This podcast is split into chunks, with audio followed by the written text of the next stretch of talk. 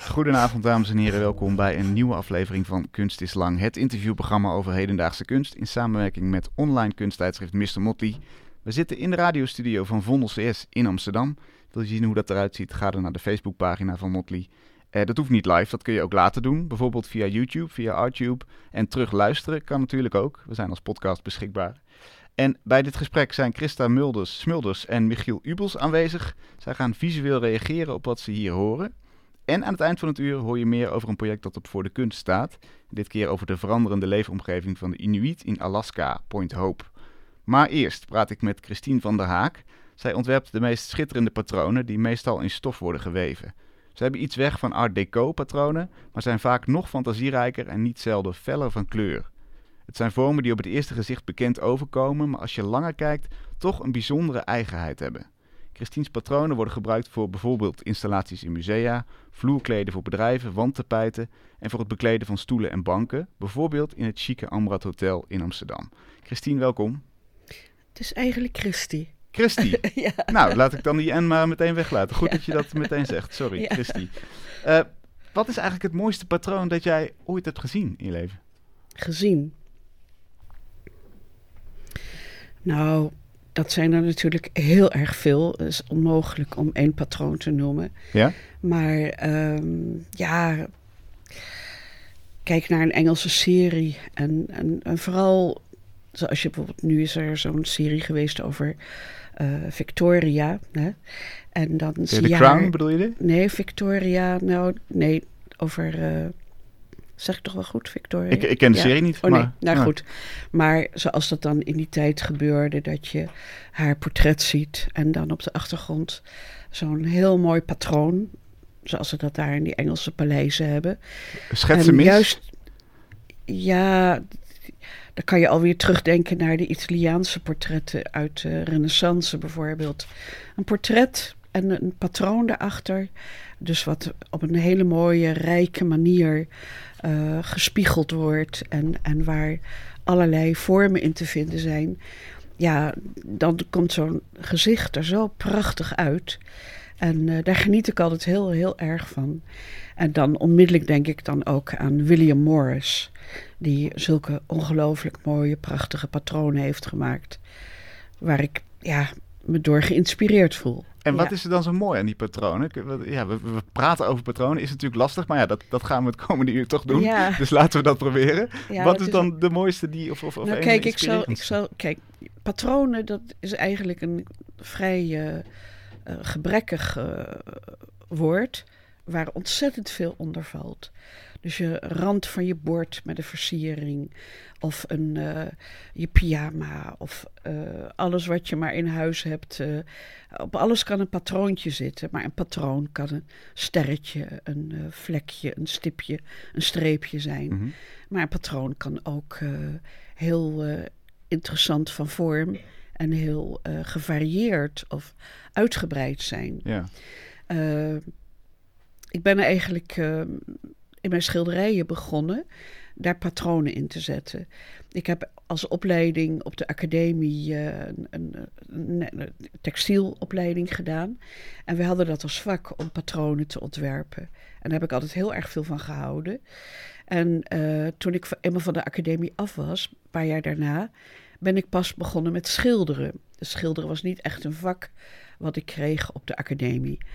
En toen ik ging schilderen, toen dacht ik, eh, heb ik altijd geprobeerd te zoeken naar een combinatie van waar ik zelf eh, het meest van houd. Dus waar ik zelf het gelukkigst van word. Zoals? Patronen. Ja, ja, ja, oké. Maar ook, eh, ik dacht ook aan wat heb ik nog niet gezien op alle tentoonstellingen en alle kunst die ik overal, hè, waar ik overal op bezoek ga, in de musea, in galeries. En ik ga iets maken wat ik eigenlijk niet tegenkom. En dat waren ook patronen. Dat is ook iets wat je eigenlijk niet zoveel zag in Nederland. En dan heb ik het over 1979, 1980. Hè, dat is alweer heel lang geleden. Mhm. Ik ben al 40 jaar eh, kunstenaar. En eh, in die tijd had je wel pattern painters in Amerika. Dat was daar wel echt een stroming. En eh, bijvoorbeeld de kunstenaar Schoef, die woont tegenwoordig ook in Amsterdam. En die is ook wel te zien bij uh, Galerie Rolt bijvoorbeeld, Gabriel Rolt. Uh, maar dat was echt een pattern painter. Maar in Nederland uh, kende je dat nog niet zo. En waarom wilde je, wat, wat trekt jou zo aan aan die patronen? Waarom is dat, is dat wat je wil maken? Waarom wil je je daarmee uitdrukken? Nou, ik denk dat dat eerlijk gezegd door de jaren heen heel erg veranderd is. Dus dat ik toen een heel andere insteek om dat te doen had. Vertel eens dan, aan het begin. Nou, aan het begin was dat de andere aspect van mijn schilderijen waren de kleuren. Ik heb altijd heel fel kleuren, kleurige schilderijen gemaakt. En um, ik ben eigenlijk vanuit een soort collage-techniek begonnen. Door uh, eerst een ondertekeningen te maken. En dan uitgekleurde papieren te knippen. En, en mijn eigen patroontekeningen die ik dan maakte.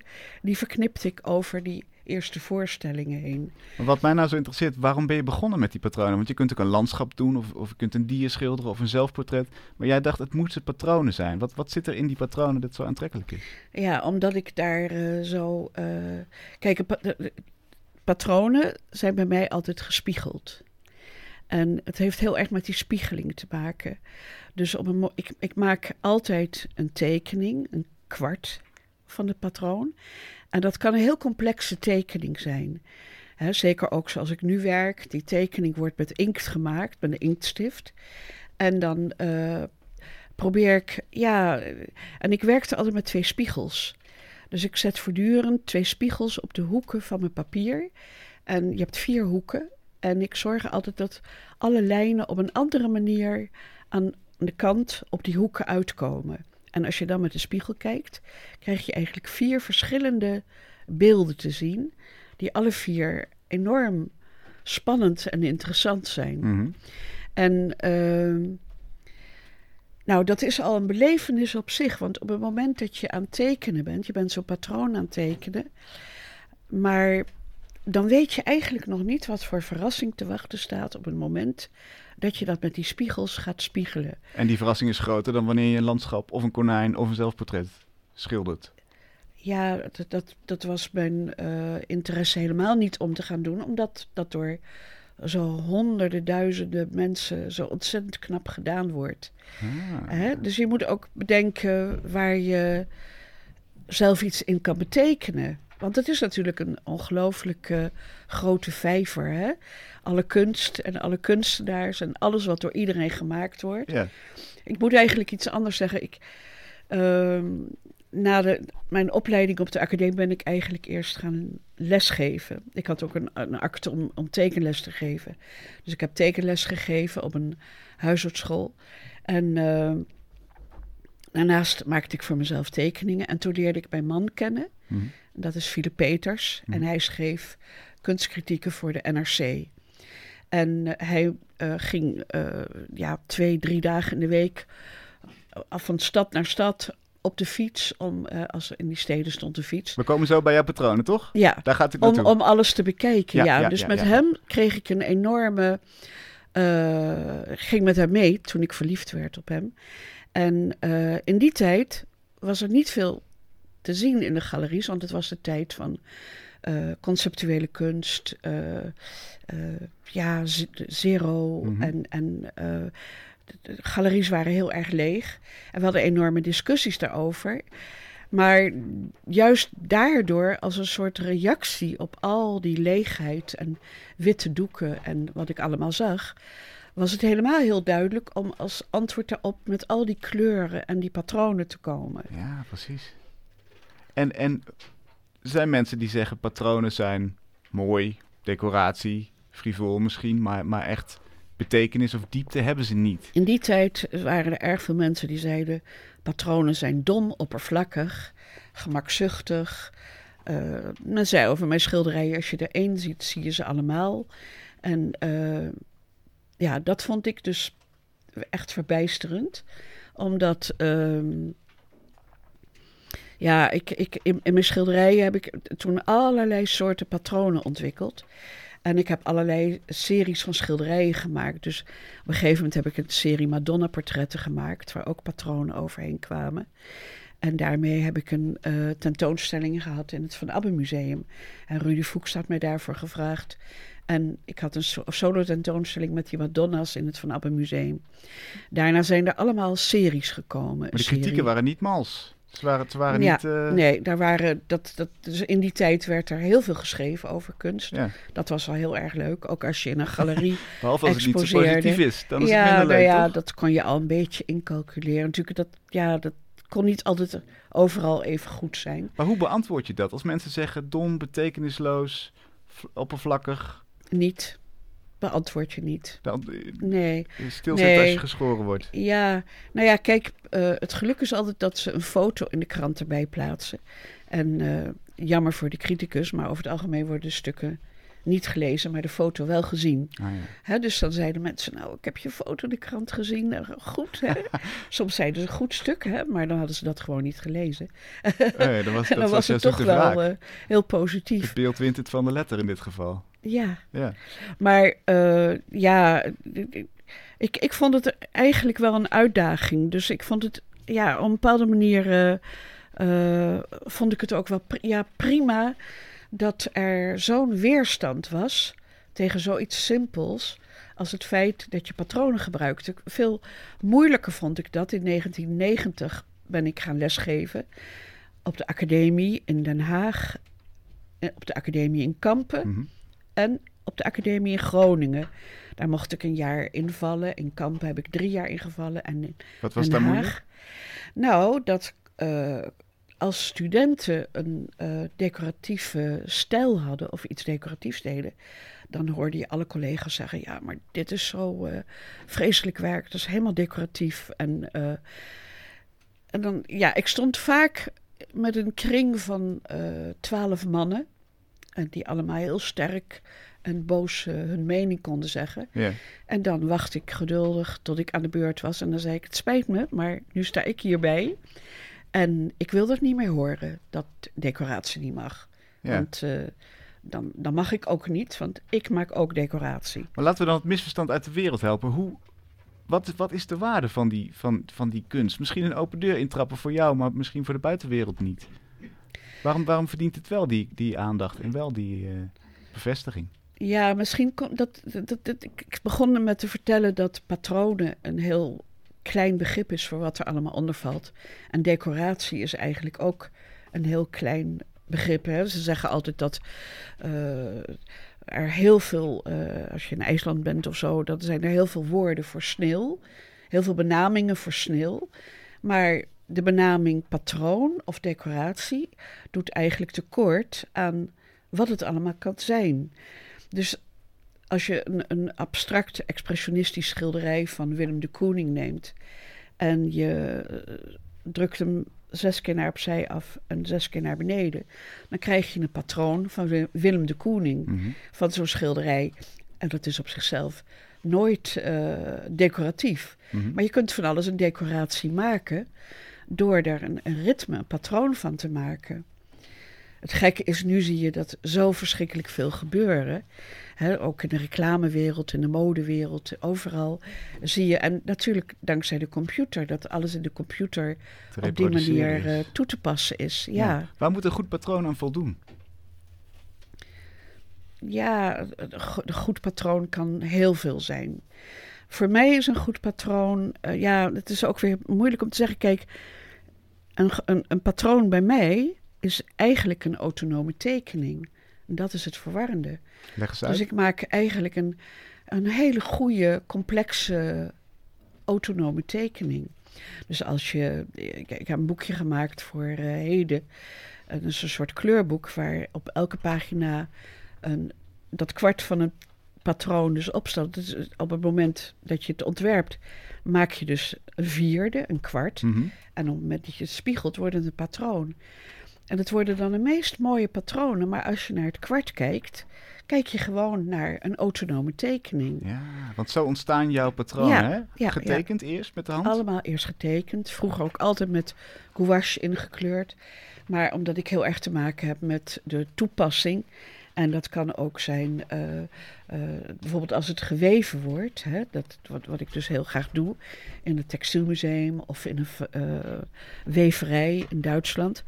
Dan wordt zo'n patroon vertaald naar de computer. En ehm, als je dan in de kleuren geen effen vlakken hebt, dan zijn dat allemaal pixels. En Mhm. pixels betekent in een weefsel een binding met een andere kleur. Dan krijg je een andere kleur. En eh, soms is het dan heel praktisch om heel vlak ingekleurde vlakken te hebben. En dan kleuren we het in op de computer. Ah, ja. Ik kan dat zelf niet. Ik heb daar een assistent voor en ik zit ernaast en dan zeg ik: dat moet rood, dat moet groen en dat moet nog weer zo, dat Ja. moet weer zo. ja. En zo werken we daar dan samen aan. En, en wat is het eigenlijk het voordeel dat het eerst getekend is? Want ik stel me zo voor dat dat een ander patroon oplevert dan wanneer je het helemaal op de computer doet. Oh nee. Dat, Nee? Nou ja, ten eerste kan ik dus zelf niks op de computer. Nee, maar stel dat het zou gebeuren. Ja, nee. Ik, ik, ja, ik, ik, ik ben altijd heel fel daartegen. Omdat ik, ja, het is zo, zo verschil of je eh, eh, op papier, hè, de, de veerkracht van een papier en met een pen. En eh, ja, hoe dat vlak onder je handen zit en hoe je daarmee kan werken. En ik zie wel, eens mens, wel eens mensen tekenen op, in de computer hoe dat gaat. Maar ja, dat is me te eh, automatisch of te, te, eh, te weinig onderhevig aan invloed van hoe hard je drukt, hoeveel kracht je zet. Of, of- Maar misschien vergis ik me daar en je heel zou erg kunnen in, zeggen hoor. dat juist doordat jij het wel tekent met de hand in eerste instantie, dat het een soort levendigheid krijgt. Is dat een goede interpretatie? Ehm, ja, levende, ik ben niet zo van de levendigheid. eh, eh, in die zin, eh, het ligt er weer aan wat je onder levendigheid verstaat. Ik hou van eh, eh, direct Mhm. en krachtig. Ja, op die manier eh, levendig, dus sterk Ja. en, en resoluut. En het is heel raar, want vroeger maakte ik hele grote schilderijen. En dan stond ik voor zo'n groot doek en dan eh, ging- maakte ik met een houtskool een hele lege tekening. Maar dan gebruikte ik mijn arm en dan strekte ik mijn arm helemaal uit. En dan heb je, is je arm eigenlijk een grote passer. En dan krijg je dus hele krachtige lijnen. Eh, op de academie ook heel veel studenten. Iedereen wordt de hele tijd aangezet om te schetsen en veel schetsen te maken, studies. Je moet heel veel studeren. Mhm. En ik ben heel eigenwijs, want ik ben dus tegen studies eigenlijk. Meteen doen. Meteen doen en ook resoluut. Ja, ik, ik denk altijd heel erg vanuit een soort efficiëntie in tijd. Efficiëntie in, in je papier of je eh, gebruik van materiaal. En eh, ik, ik begrijp nooit goed. Natuurlijk, voor sommige mensen, en een tekening kan heel mooi zijn als die heel zoekend, schetsend ontstaat. Dat kan heel mooi zijn. Mhm. Maar op een academie zie je gangen vol met 30, 40. En die, die studenten denken altijd dat ze heel hard werken voor eh, hun docent. En ik zei altijd tegen een student: wie probeer je nou gelukkig te maken? Oh ja, maak het gewoon meteen. Nou, omdat die schetsen die blij- blijven altijd hangen in een soort vrijblijvendheid. Mhm. Van dit is nog maar een schets en later komt het echte werk. Maar het is heel moeilijk, want je moet op een academie kunsten maken. Maar je bent een student. Ja. En als student kan je, ik zei altijd, jullie moeten gelijk als een kunstenaar werk maken. Als een kunstenaar denken. Want anders maak je alleen maar, dan maak je geen kunst, maar je maakt een studie naar je kunst toe. ja, probeersels. En ik wilde graag dat mensen eh, stappen konden zetten. Jouw tapijten en, en, en jouw, jouw patronen die gaan soms ook in gesprek met de reali- realiteit en de actualiteit. Je hebt, je hebt een tapijt gemaakt waarop allerlei wapens staan met de Nederlandse leeuw die bommen gooit. Ja. Hoe is dat ontstaan? Dat was in de tijd dat eh, Geert Wilders in Den Haag ging meedoen aan de gemeenteraadsverkiezingen. En ehm, hij had ook eh, hele resolute plannen dat als hij in de gemeenteraad kwam, dan moesten alle eh, moslima's die voor ja, ambtenarenwerk uitvoerden, of hun hoofddoek afdoen of ontslagen worden. En eh, die hoofddoek eh, en alle opmerkingen erover was toen heel actueel. Hm. Bovendien wilden ze een vlag in de Tweede Kamer. Dat is nu inmiddels ook gebeurd, een vlagje. Ja. En dus de kunst moest weg, hè? Ja, de ja. kunst.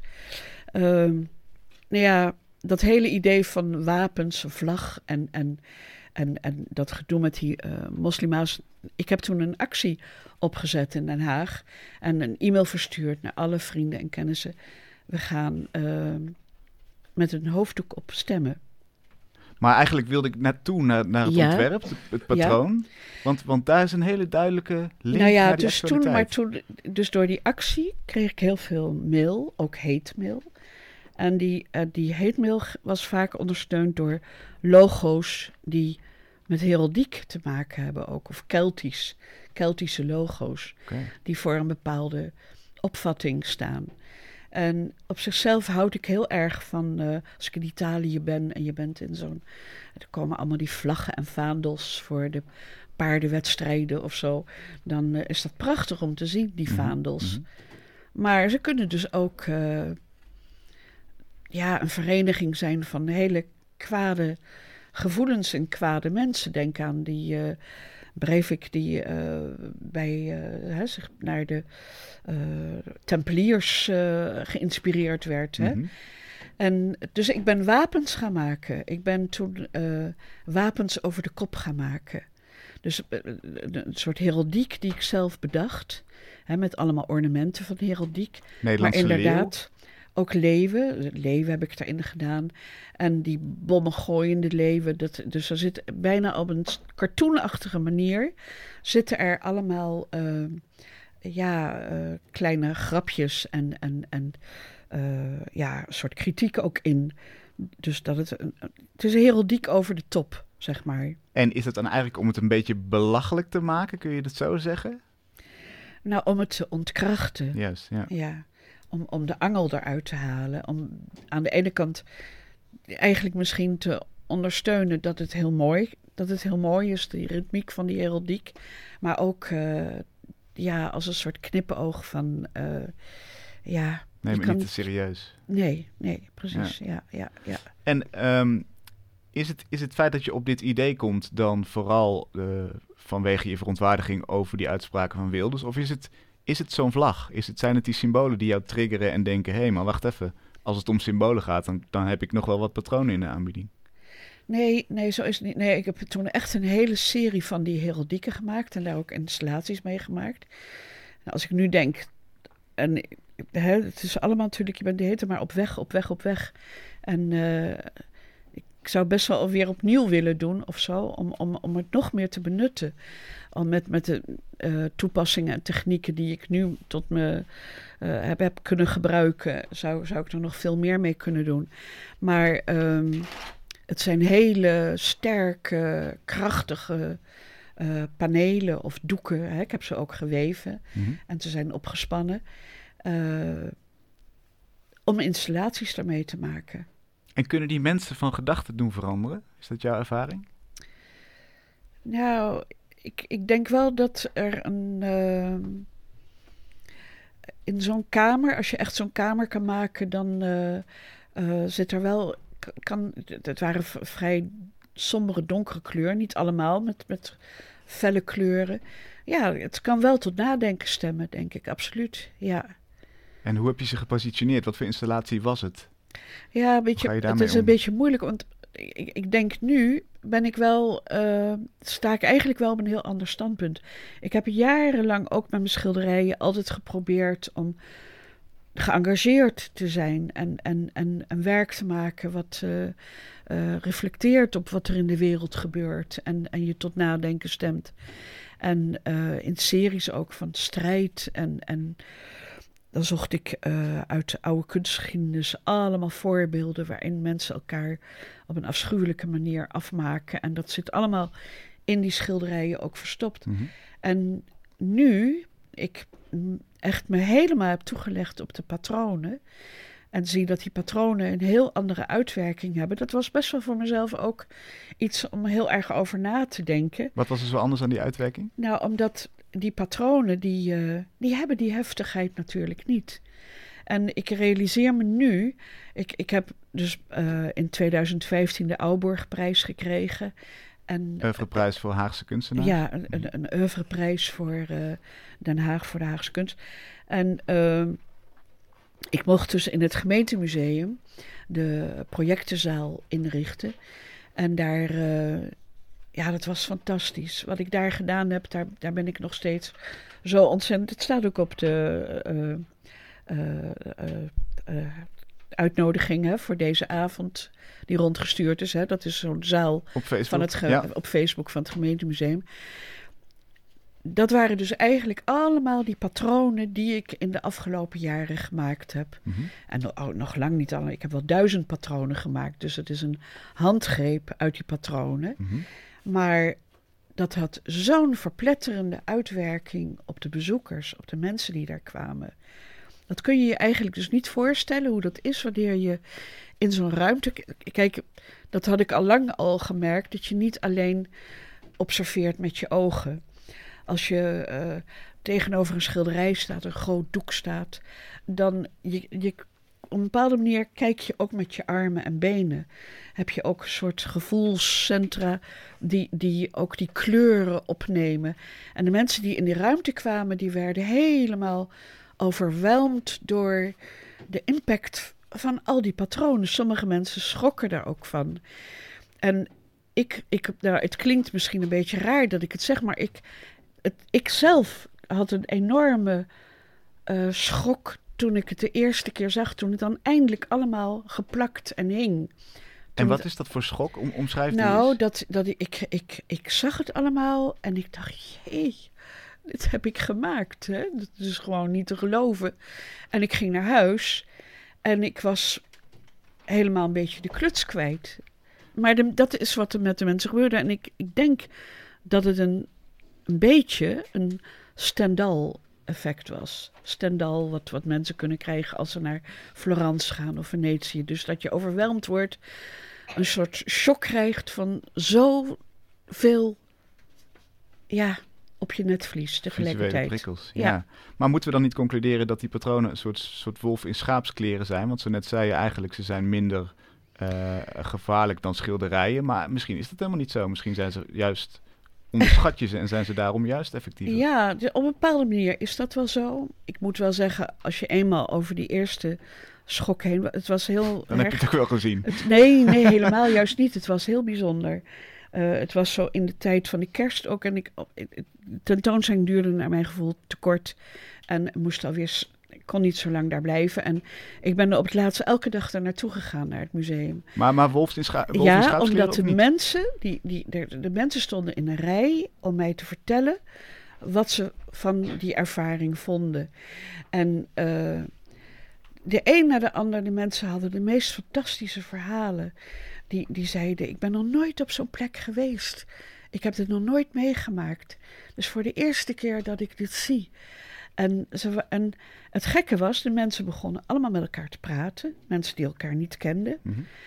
En dan besloten ze om de ruimte te verlaten. Maar het waren eigenlijk vijf zalen achter elkaar. En dan waren ze aan het eind en dan kwamen ze weer terug. Ze konden niet weg. Kijk. Ze kwamen iedere keer weer terug en mensen bleven. Het was zoiets raars. En dan s'avonds merkte ik dat al die mensen bevriend werden met mij op Facebook. Maar ook allemaal met elkaar.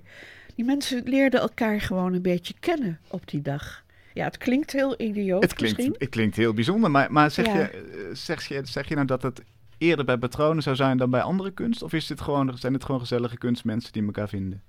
Nee, nee, absoluut. Mensen kennen elkaar helemaal niet. Mensen waren nee, maar allemaal... mensen kunnen elkaar leren kennen. Maar, ja. maar komt dat door de nee, patronen? Nee, maar het, het, het, het was niet van... Uh, ik denk ook dat niemand bij zichzelf dacht... Ik, ik kijk nu naar patronen of zo. Het, is, het is uh, zoals in, uh, ja, ik ben nooit in het Taj Mahal geweest of, of, of, of, op, op, bepaalde plekken, zoals je dus zo'n zo'n overkill. Maar ja, dit is, was toch weer anders, omdat die patronen toch wel een soort duidelijke structuur hebben. En in andere kamer was weer een andere sfeer, was weer wat anders te beleven. Uh, ja, die en ik heb dus dat weer opnieuw kunnen maken in Miami. Dus het zijn krachtigere dingen dan het is dus, beeldjes, nou wat ik dus in Miami me heel erg realiseerde, want ik leer zelf ook iedere keer weer als ik iets maak, leer ik daar zelf weer iets van. En in Miami merkte ik dat uh, die patronen een universele taal zijn. En het spreekt mensen dus op een manier aan omdat ze eh,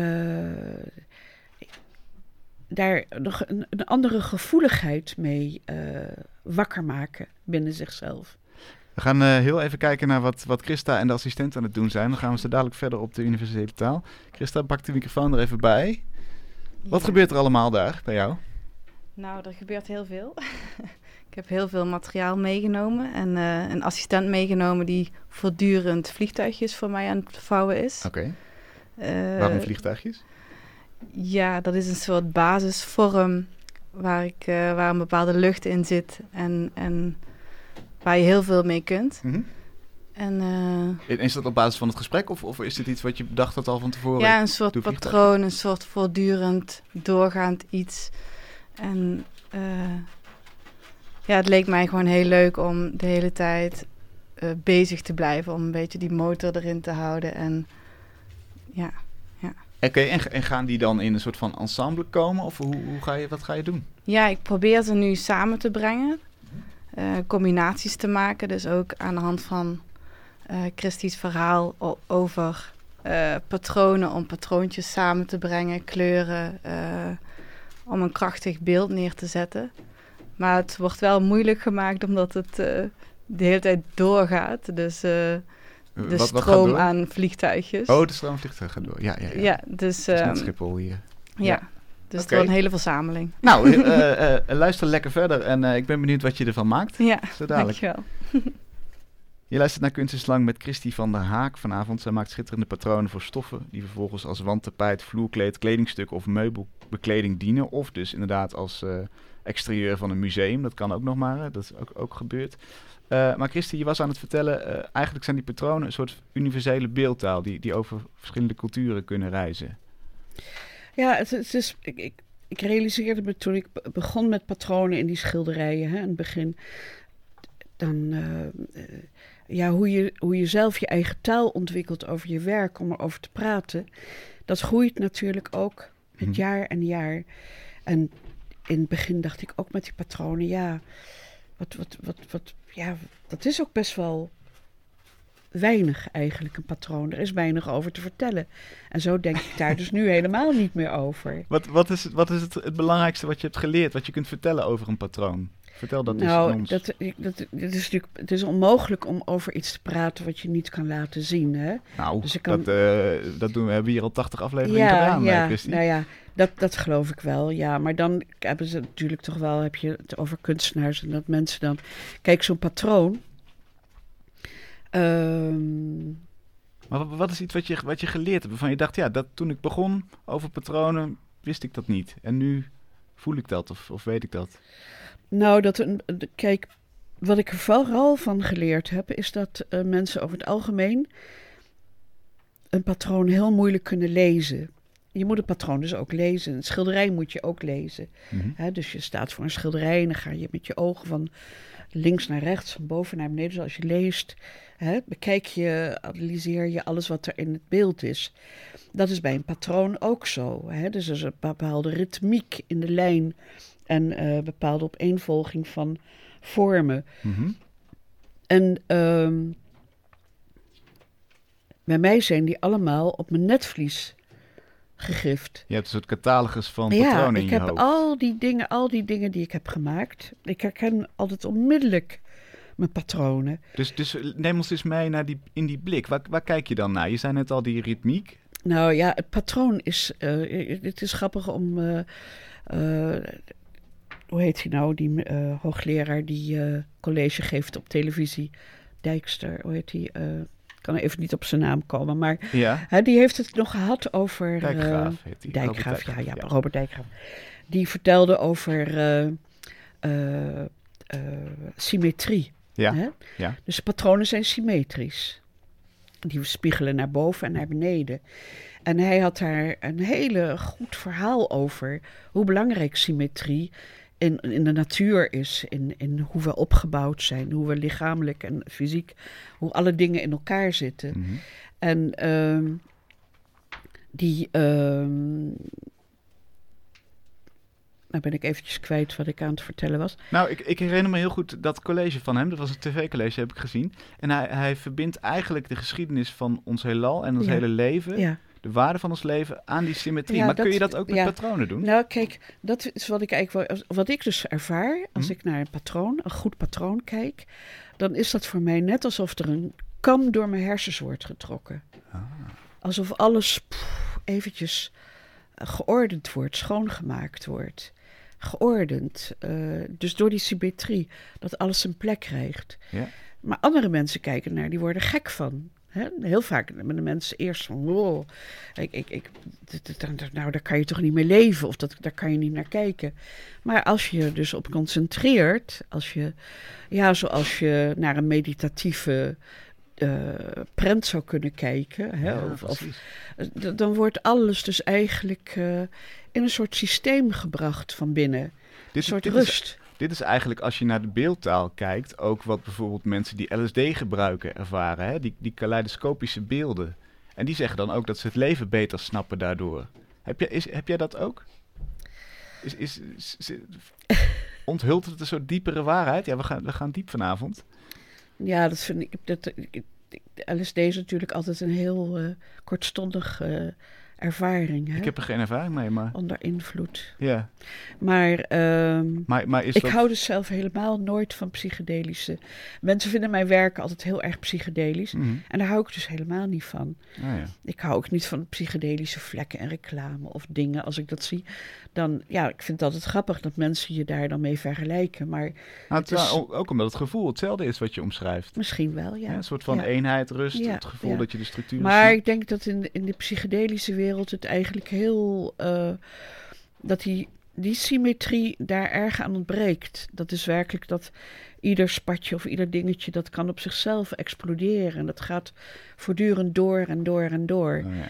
En eh, ja, zo'n patroon is dan toch vrij statisch Hmm. en, en overzichtelijk. En, maar wat wel interessant is, is dat ehm, ik ben dan samen met mijn assistent kleuren we zo'n patroon in. En dat is gewoon fascinerend. En daar hebben we dus allerlei manieren voor om die, eh, ehm, om die kleuren erin te zetten. En op het moment dat je een totale wisseling van kleuren en andere dingen daarin doet, herken je het patroon bijna niet meer terug. Dus ik heb van patronen kleurvarianten gemaakt. Eh, het is heel grappig, ik heb een opdracht gehad voor de Lakenhal om nieuw Leids laken te ontwerpen. Mhm. En eh, dat was vroeger altijd een effen eh, stof. Mhm. Maar ik heb daar een heel mooi eh, patroon eh, voor gemaakt. En dat patroon had ik met twee kleuren, met drie kleuren en met vier kleuren, vijf kleuren laten weven. En dat lag allemaal op de tafel. En ze dachten, de, de staf van het museum, dat ze naar vier verschillende patronen keken. Maar het was allemaal hetzelfde patroon.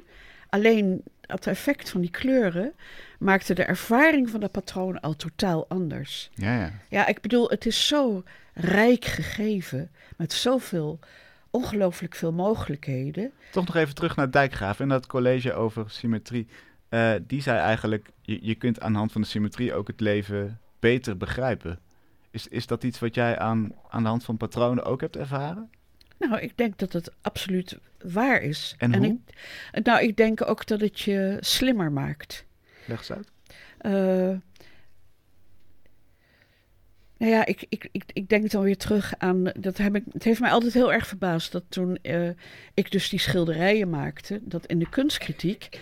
Men, men- men was blijkbaar bijna niet in staat om naar een schilderij te kijken. Zo'n hekel hadden ze aan het feit dat er de patronen in te zien waren. Mhm.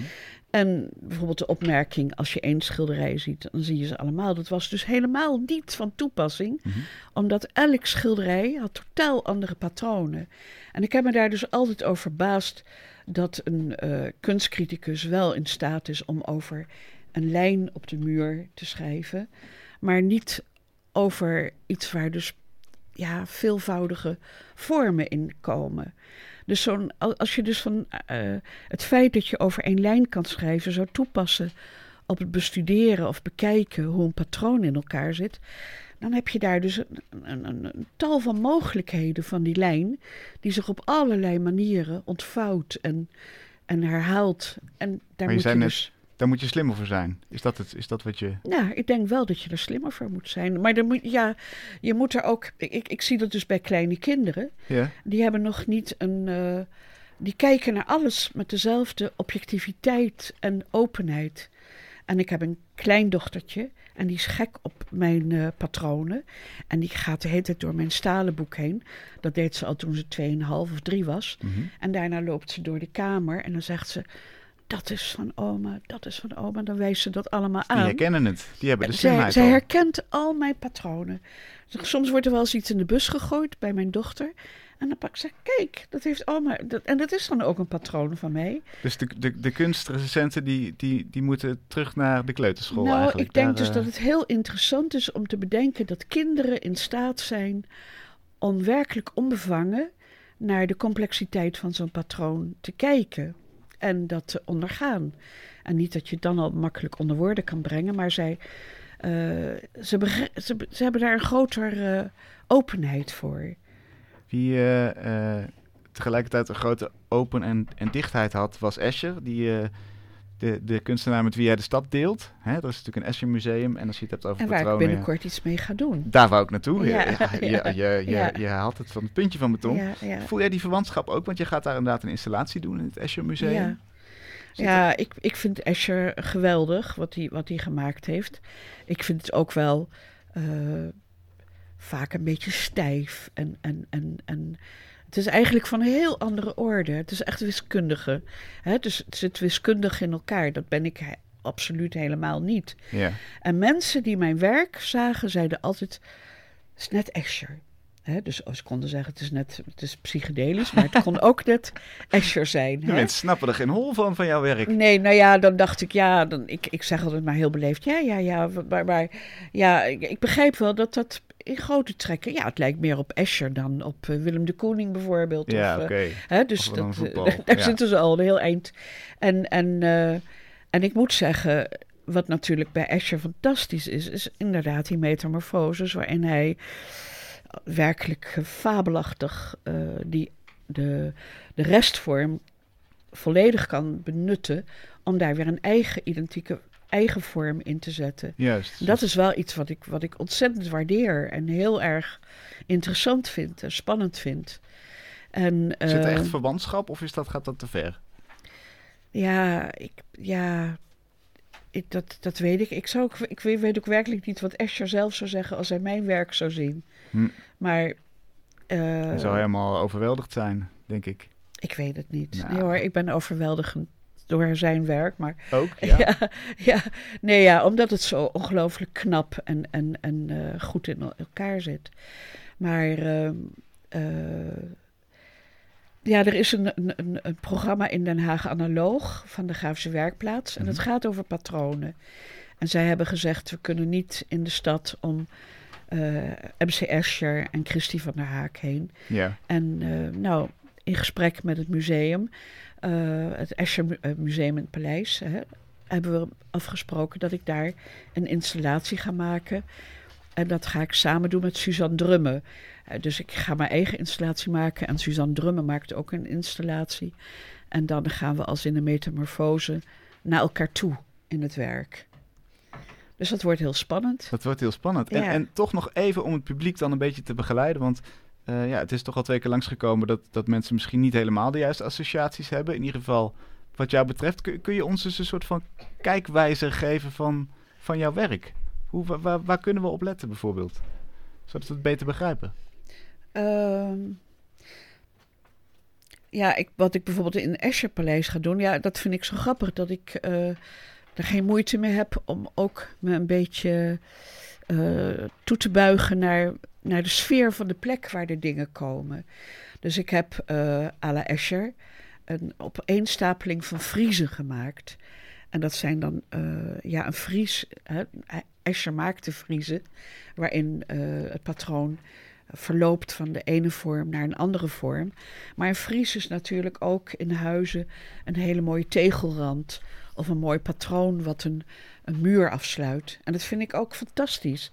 Ja, ik word altijd zelf heel erg gelukkig van als ik door de stad loop en ik eh, uit de oude tijd of, of van de Art Deco tijd eh, eh, tegels zie die mooi gedecoreerd zijn en, en die symmetrie en ook hebben.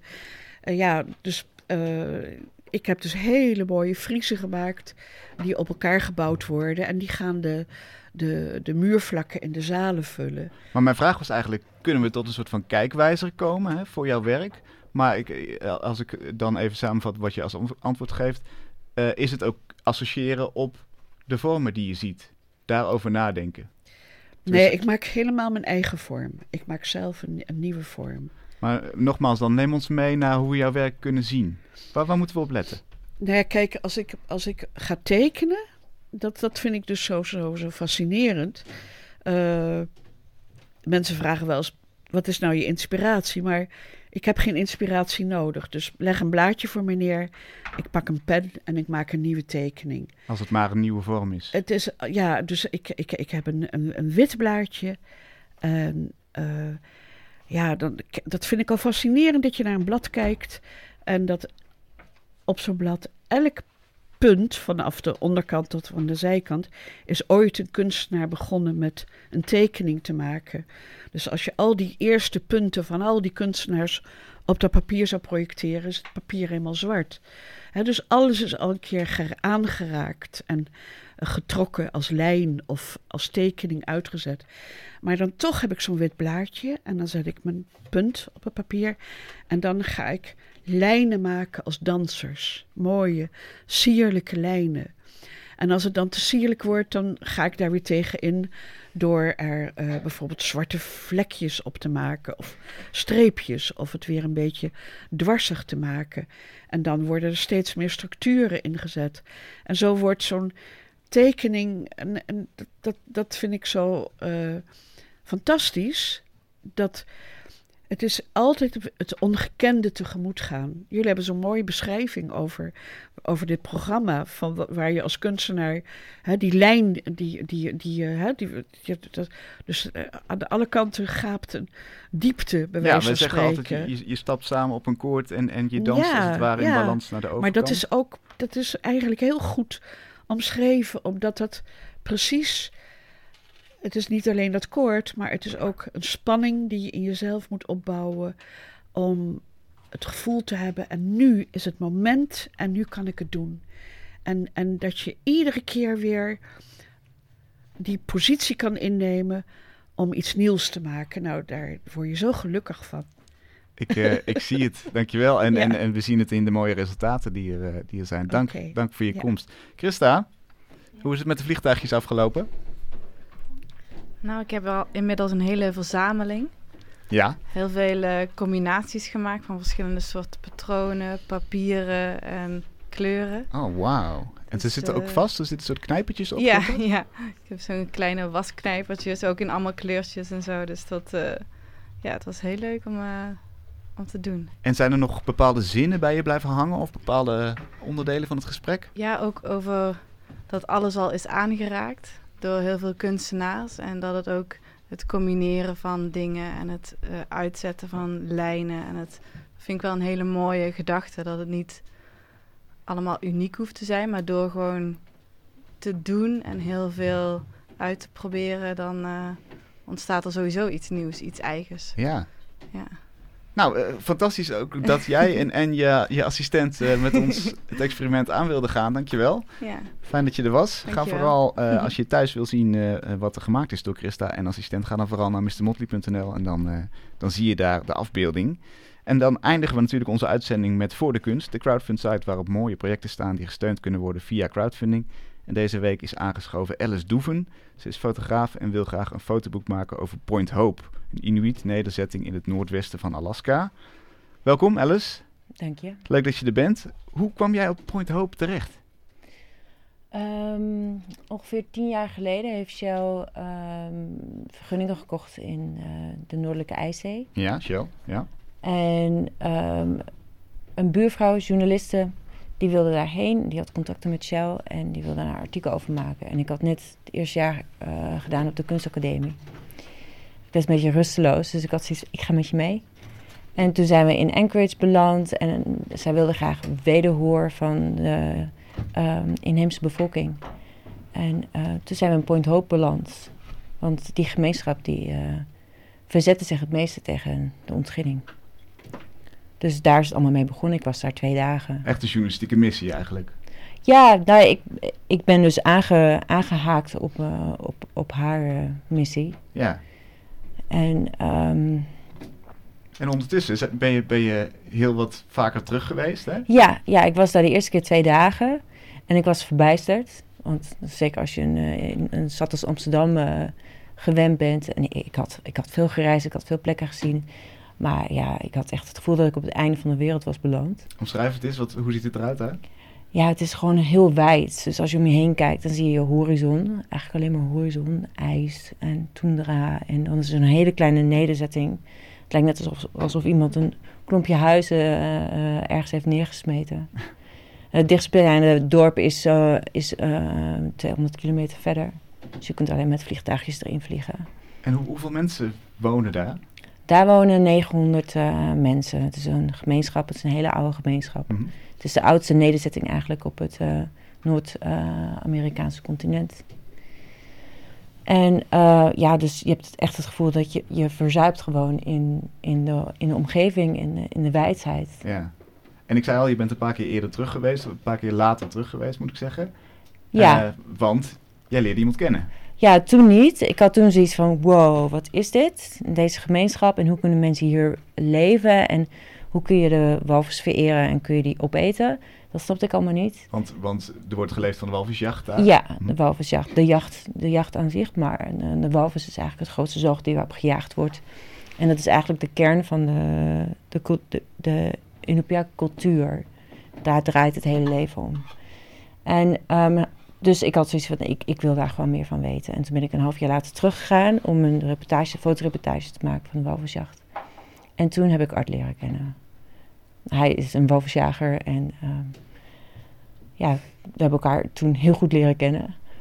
En vanaf, dan, vanaf toen is, uh, zijn we een relatie begonnen. En hoe lang geleden is dit? Uh, negen jaar nu. Negen jaar geleden. Inmiddels Ja. is er een dochtertje zelfs. Ja, dat klopt. Die, die zit hier ook in de studio. Dus Ja, dat, die dat, zit dat is heel gezellig. Ja, die zit achter mij. Eh, en jullie leven om de beurt daar en, hi- en hier in Amsterdam, geloof ik, hè? Nee, we hebben vijf, zes jaar geforenst. En sinds Anna eh, vijf is, we moesten kiezen. Dus toen hebben we voor Amsterdam gekozen. Ja. En eh, nu zijn we daar een paar maanden, een paar weken per jaar. Ja, en al die tijd ben ik blijven fotograferen. En dat is ja, tot een, nu een beetje tot een afsluiting gekomen met een boek en een expositie. En welke verandering heeft dat gebied eigenlijk doorgemaakt de afgelopen jaren? Ja, de afgelopen jaren ehm, heb ik vooral mensen, kinderen zien opgroeien en ehm, ja, de Point Hope heeft een- natuurlijk een hele grote verandering doorgemaakt sinds, eh, sinds het in contact is gekomen met de westerse cultuur. En dat is eigenlijk de afgelopen 150 jaar. Hmm. En dat heeft heel veel ehm, ja, comfort gebracht, maar ook heel veel schade berokkend. En ehm, ik denk dat, dat de gemeenschap zich een beetje herstelt en dat de gemeenschap een beetje hervindt in, in, in de wereld. En dat, dat nu dat ze wat, ook wat eh, zekerder worden om zeg maar, terug te vallen op de cultuur. Want, want kun je schetsen jacht. wat de uitersten dan zijn? Eh, Het, het Westen kwam met een soort van invloed, maar wat, wat zijn die twee polen zeg maar, die bij elkaar zijn gekomen daar? Het is een jachtcultuur cultuur versus een, eh, een, een landbouwcultuur. En het is een cultuur die heel harmonisch is en die circulair is, versus een cultuur die heel rechtlijnig is en die altijd uit is op expansie, op, eh, op veroveren, op, en die eigenlijk ja, ehm, dan over lijken gaat. Hmm. En dat, dat hebben ze ook natuurlijk overal gedaan. En alle een- inheemse volken van de wereld, die, eh, die, die hebben het heel zwaar op dit moment. En wat ik zo bijzonder vind aan Point Hope is dat het zich, het is, het- ze hebben zich hersteld. Ze hebben zich aangepast. Dus ehm, ze gebruiken de techniek die hun is aangeboden om gewoon efficiënter te jagen of makkelijker te wonen en te leven. Maar alles draait nog steeds om de walvis, om de jacht, om de gemeenschap, om de harmonie. En hoe heb je dat in beelden gevang- gevangen? Want uiteindelijk is het een fotoboek natuurlijk. Ja, Wat, wat gaan we zien? Ehm, ja, wat ik heb geprobeerd ehm, te fotograferen, en dat heeft vooral de, de, de ontwerper, Sibren Kuiper, die heeft dat fantastisch gedaan. Ehm, Want je hebt natuurlijk een heleboel foto's en dan moet je een verhaal gaan vertellen. En ik wist wat ik wil, wilde vertellen, maar je hebt dan echt iemand nodig die dat begrijpt en die dat in een fotoboek weer vormgeeft. Mhm. Hij trekt je het dorp in, zoals ik het dorp ben ingetrokken. En ehm, dus je wordt eigenlijk eh, het dorp ingeleid via de landschappen, via het grootste. En dan ehm, zie je het dorp en dan word je de huizen ingetrokken. En dan ga je met die mensen mee op, op jacht. En ja, dus het is een beetje een ehm, soort van een, een, een beeld vastgelegd wat ik heb meegemaakt in, eh, sinds ik de gemeenschap ken. Ja. Ja. En dat staat ver af van de wereld die wij kennen, denk ik. Wat, Ja. wat, wat, wat is het grootste verschil als je één ding zou moeten noemen van dat? Het grootste verschil met hier, Ja. de tijd. De tijd is daar anders. Wij zijn altijd, wij zijn zelden in het heden. We zijn altijd bezig met iets wat in de toekomst ligt. Of, ehm, of ja, ook wel met het verleden. Maar vooral, we willen altijd ergens naartoe. En als je daar bent, dan ben je. Je wordt geleefd door eh, het ritme van, van de seizoenen. En dus toen ik daar kwam in eerste instantie leek het gewoon alsof de tijd stopte. Oh, wauw. Dat vond ik heel eh, bijzonder. Ja. En dat is natuurlijk een heel abstract gegeven wat moeilijker in foto's te vangen is, lijkt me. Ja, dat is moeilijk in foto's te vangen. Is, is het je gelukt? Ben je in de buurt gekomen? Weet ik niet. Ik denk dat je echt. ehm, ik zit er natuurlijk helemaal in. Ehm, ik, ik vind het wel heel leuk om te zien wat, wat Sibren heeft gedaan. En ehm, daardoor begrijp ik mezelf eigenlijk beter. ik weet nu beter wat ik wilde zeggen Ja. het boek. Ja. Uh, maar ik denk dat, het, dat mensen dat voor zichzelf moeten uh, ervaren. Of dat, uh, of dat inderdaad is gelukt. Nou ja, met een beetje hulp gaat het boeken komen. Hoe ver ben je Ja. al qua percentage? Het gaat uh, oh, op de, voor de kunst. Mhm. Ik zit volgens mij nu op 24 procent. Oké. Ja. Nou, en, en je hebt nog lange tijd te gaan, toch? Nog bijna twee weken, ja. Ja, precies. Dus ik hoop dat het gaat lukken. Ik wens je heel veel succes. Ja, Leuk dat je hier er, erover wilde praten. Bedankt voor de uitnodiging. En dit was uh, Kunst is Lang voor deze week. Wil je meer informatie over het werk van Christy, dan kun je dat vinden op Mr. Motley. En uh, daar zie je ook wat Christa en assistent hier in de studio hebben gemaakt. Alle vliegtuigjes. Volgende week zijn we er natuurlijk weer en dan is Ronald Ophuis de gast. Graag tot volgende week.